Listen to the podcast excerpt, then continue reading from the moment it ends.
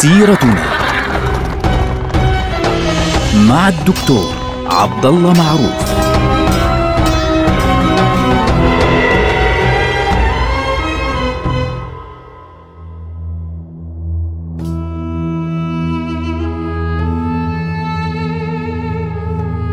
السلام عليكم ورحمة الله وبركاته. سيرتنا سيرة هذه الأمة العظيمة ونحن الآن في عهد المماليك. بوفاة محمد ابن قلاوون في عام 741 للهجرة 1340 للميلاد ختمت مرحلة من أزهى مراحل التاريخ المملوكي. وبالتالي أصيبت الدولة بعد ذلك يعني آه، بفترة من الفوضى والفساد الشديد. 12 سلطان تولوا الحكم بعد السلطان الناصر محمد بن قلاوون خلال فترة لا تزيد عن 40 سنة. ثمانية منهم كانوا من أولاد الناصر محمد أربعة من أحفاده كان عهدهم يعني بائسا يعني كان لا يستطيع الواحد أن يمارس صلاحيته إلا بواسطة أتابك فاسدين فعليا وهذا الأمر سيؤدي لاحقا إلى إيه؟ إلى أن تظهر مرحلة جديدة هي المماليك البرجية من المماليك البرجية؟ المماليك البرجية أخواننا هم الشراكس الشراكس. ليش سموا البرجية؟ لأنهم كانوا يعني يجلسون دائما في أبراج القلاع, القلاع. يعني هؤلاء الناس كانوا كثيرين بعيدين عن الحياة العامة ولكن عموما كانوا يقيمون في أبراج القلاع ولذلك يلقبون أصلا بالمماليك البرجية.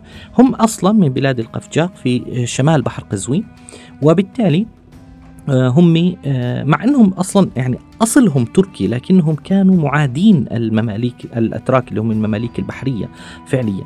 فبالتالي المماليك البرجية كانوا قادرين قادرين فعلا على استلام الحكم. بدأوا ينافسون المماليك البحرية حتى سنة 784 عندما تمكنوا من رفع واحد منهم إلى سدة الحكم وبالتالي بدأت فترتهم المهمة جدا. وكان ذلك السلطان برقوق. السلطان برقوق الذي حكم ما بين عام 784 حتى عام 790 للهجرة يعني ست سنوات تقريبا. هذا الرجل خلص اعتمد فعليا على مماليك الشراكس أو الشركس وبالتالي آه، أحدث تغييرا كبيرا جدا في تركيبة النظام الإقطاعي والعسكري وفي حياة المماليك الاجتماعية.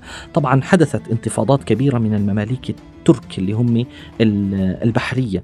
كانوا يحاولون بكل قوتهم أن يعيدوا أنفسهم إلى الحكم ولكنهم لم يستطيعوا. فحتى العرب نفسهم قاموا بثورة ضدهم. يعني الخليفة المتوكل الخليفة العباسي طبعا الخلفاء فقط مجرد اسم. طبعا الخليفة العباسي المتوكل في ذلك الوقت في سنة 785 قام بثورة آه لكي يحصل على الحكم. يعني كان يحلم بأن يعيد للخلافة العباسية مرحلتها القديمة اللي هي الحكم المباشر لكنه أيضا لم يستطع أن يعني يصل إلى الحكم فعليا. وبالتالي آه طبعا الخليفة في ذلك الوقت إحنا يعني نعرف من عهد السلطان الظاهر بيبرس كان الخلفاء العباسيون مجرد اسم. يعني فقط يضعون اسمهم على السكة على يعني على النقد ويخطب لهم فقط يدعى لهم ويسمون فقط اللي هو خليفة المسلمين بمعنى صاحب المنصب الديني الذي يجمع المسلمين آه، جمع جمعا فعليا بين بعضهم البعض. طبعا حدثت بعض الفوضى في ذلك الوقت انقلب بعض الناس على برقوق ثم عاد مرة أخرى ليستلم منصب السلطنة للمرة الثانية من عام 792 هذه المرة حتى 801 ثبت في هذه المرحلة حكم الشركس تماما بعد أن قضى على يعني كل الثورات فعليا وتوفي في آه، شهر شوال عام 801 بعد أن عهد بالملك إلى أولاده. طبعا أهم خطر واجهه السلطان برقوق في ذلك الوقت هما يعني آه، خطر آه، تيمور لانج وأيضا ظهور دولة جديدة اسمها الدولة العثمانية. طبعا إحنا الدولة العثمانية سنتكلم عنها لاحقا. سنتكلم عنها في فترة يعني قريبة إن شاء الله عز وجل آه لما نوصلها يعني بعد نهاية الحكم المملوكي. ولكن الذي يهمنا هنا أنه في هذه المرحلة كان هناك شخصية مهمة جدا برزت في التاريخ وهي شخصية تيمور لانج تيمور لانج آه، إحنا قلنا إنه المغول كانوا في حلقة ماضية ذكرنا إن المغول كانوا قد أسلموا لاحقا. ولكن آه، علاقتهم مع المماليك كانت سيئة بقيت سيئة وكان نهر الفرات هو الحد الفاصل بين المغول شرقا وبين المماليك غربا. فالمغول لاحقا آه، بدأوا يتجهون ناحية التشيع التشيع الاثني عشري الإمامي. فمن بين الشخصيات القوية التي ظهرت من بينهم رجل يسمى تيمور لانج وهو آه، مغولي. آه، أسس إمبراطورية لكن هذه المرة كيف؟ إمبراطورية مغولية الطابع وشيعية المذهب. وكانت بداية حكمه أو ظهور حكمه في بلاد فارس ومنها طبعا تسمى هذه الدولة الدولة الأليخانية كما تسمى لاحقا وأسس هذه الإمبراطورية يحاول من خلالها أن يعيد أمجاد جده الأكبر جنكيز خان ولكن هذه المرة باعتبار أنه مسلم فكان يسمي نفسه أمير المؤمنين أنه هو أمير. فبدأ يحاول أن يضم منطقة غرب آسيا ومنطقة شرق الأناضول إلى إمبراطوريته فتمكن من ضم بغداد حتى أنه حاكمها حاكم بغداد في ذلك الوقت اسمه أحمد بن أويس يعني هرب ملتجئا إلى السلاطين المملوكيين.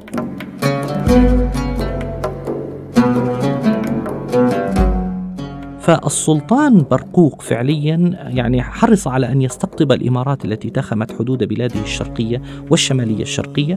آه وهذه الإمارات طبعا بدأت تجتمع إليه يعني خوفا من خطر تيمور لانج، ليه؟ لأنه تيمور لانج فعليا كان يعمل على آه، ضرب هذه المدن وتدميرها لتغيير عقيدة سكانها بالقوة.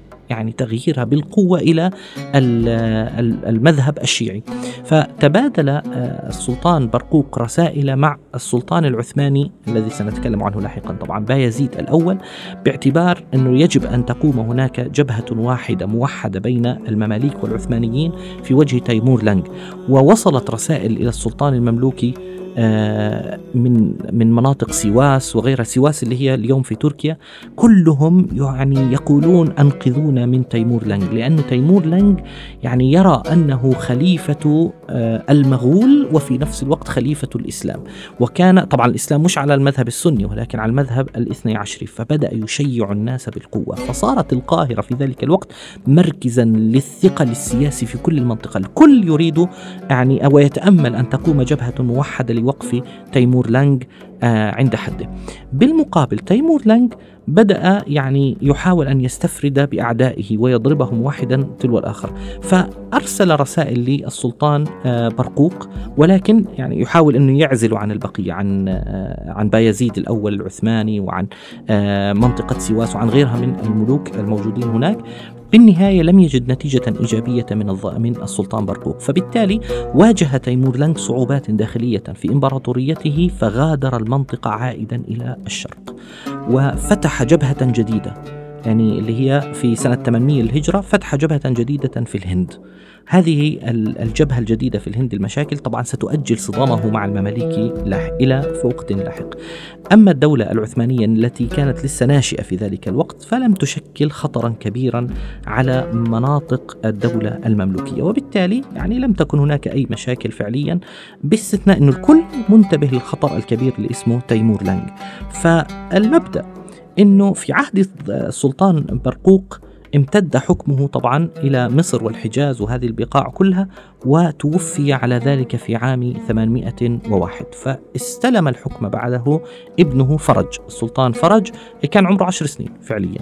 فهذا السلطان فرج يعني في عهده بدأت صراعات شديدة لأنه كان لسه عمره عشر سنوات فتمكن بعض الأمراء من التغلب على السلطان و خلعوه. وحتى إنهم نصبوا الخليفة العباسي الذي كان في ذلك الوقت يعني آه، حل وسط نصبوه ملكا يعني خليفة يحكم فعليا لأول مرة. آه، في مرحلة السلطان فرج آه، حدثت تطورات سياسية مهمة جدا خاصة أن تيمور لانج رجع إلى منطقة غرب آسيا لاصطدام بكل من المماليك والعثمانيين وتمكن من السيطرة على بعض مدن بلاد الشام الشمالية اللي هي مثل ملاطيا آه، عنتاب دخل حلب وحتى إنه وصل إلى دمشق وارتكب جنوده أعمال سلب ونهب وتدمير وقتل ثم ترك المنطقة خاوية على عروشها ثم زحف باتجاه الشمال لكي يصطدم بالسلطان. بايزيد الأول اللي هو الصاعقة كما كان يلقب وتغلب عليه في معركة اسمها معركة أنقرة آه، وأخذه أسيرا. كان ذلك في نهاية سنة 804 للهجرة. وبدأت منذ ذلك الوقت المشاكل بين الدولة المملوكية والدولة العثمانية فعليا الناشئة. فالمبدأ أنه بعد فرج فعليا في هذه المرحلة بعد ما خلع قلنا إنه الخليفة المستعين كان يعني آه، نصب لكي يحكم في المنطقة كحل وسط فكان ذلك إجراء شكليا يعني حتى تتوضح الرؤية الداخلية للأمراء. فتوحدت الاتجاهات فعليا واجتمعت تحت راية رجل واحد. الخليفة حاول يمارس دوره فعليا كحكم لكنه اصطدم فعليا بالأمراء ويعني تولى فعليا الخلافة فقط و اضطر لأن يترك الحكم فعليا لاحقا. المبدأ إنه هنا استلم آه، رجل اسمه السلطان المؤيد استلم الحكم فعليا وواجه كثير من المشاكل طبعا اللي هي مناطق الثورات في المناطق المختلفة هنا وهناك. لاحظوا يعني فترة كبيرة الحركات كثيرة جدا يحكم فيها عدد كبير جدا ولكن آه الذي يهمنا إنه في فترة المؤيد أو بعد وفاة المؤيد آه شيخ في سنة 824 للهجرة بدأت مرحلة الضعف في الدولة المملوكية الجديدة. من سنة 824 آخر 100 سنة حتى 923 كانت هذه مرحلة ضعف شديد ومرحلة مشاكل ومرحلة يعني آه، فوضى داخلية. لكن الذي يهمنا هنا هو يعني بالذات الخطر الذي كان يخ يعني يهدد ويصبغ بداية هذه المرحلة اللي هي آه، خطر تيمور لانج تيمور لانج آه، تمكن من أسر سلطان العثمانيين اللي هو بايزيد الصاعقة وبايزيد الأول وتمكن من دخول دمشق وتمكن من تدمير كل هذه البلاد فعليا. ثم بعد ذلك يعني لم يكد يعني ينتهي من آه، الحملة على آه، الدولة العثمانية الوليدة في ذلك الوقت حتى ترك المماليك وحدهم للفوضى التي كانوا فيها وتوجه إلى سمرقند. ثم بعد ذلك بدأ يستعد لغزو الصين. يعني كان يريد أن يدخل الصين ويعيد يعني أمجاد جده الأكبر جنكيز خان فعليا. فلم يكد يستقر في سمرقند حتى بدأ يعني يتحرك باتجاه الصين. كان ذلك في آه، خريف عام 1404 للميلاد اللي هو 807 للهجرة. وكان الجو في ذلك الوقت باردا جدا حين خرج لهذه الغزوة وعانى جيشه من البرد والثلج ولم تتحمل صحته هذا الجو فأصيب بالحمى تيمور لانج ومات آه، في السابع عشر من شعبان سنة 807 اللي كان موافق شهر 2 في عام 1405 للميلاد بعد أن تمكن من حكم منطقة من دلهي شرقا حتى دمشق غربا ومن بحر الأرال وبحر قزوين شمالا حتى الخليج العربي فعليا جنوبا ونقل رفاته إلى آه، سمرقند ودفن هناك في اليوم بسموه جوري أمير ضريحه يعني اللي هو يعني قبر الأمير أو مقبرة الأمير ف آه، زال خطر تيمور لانج فعليا عن هذه البلاد بسبب المرض ولكن المماليك يعني بدأ الضعف يسري فيهم وهذا الضعف سيؤدي لاحقا إلى إيه؟ إلى سقوط الدولة على يد الدولة العثمانية الوليدة. ألقاكم على خير. السلام عليكم.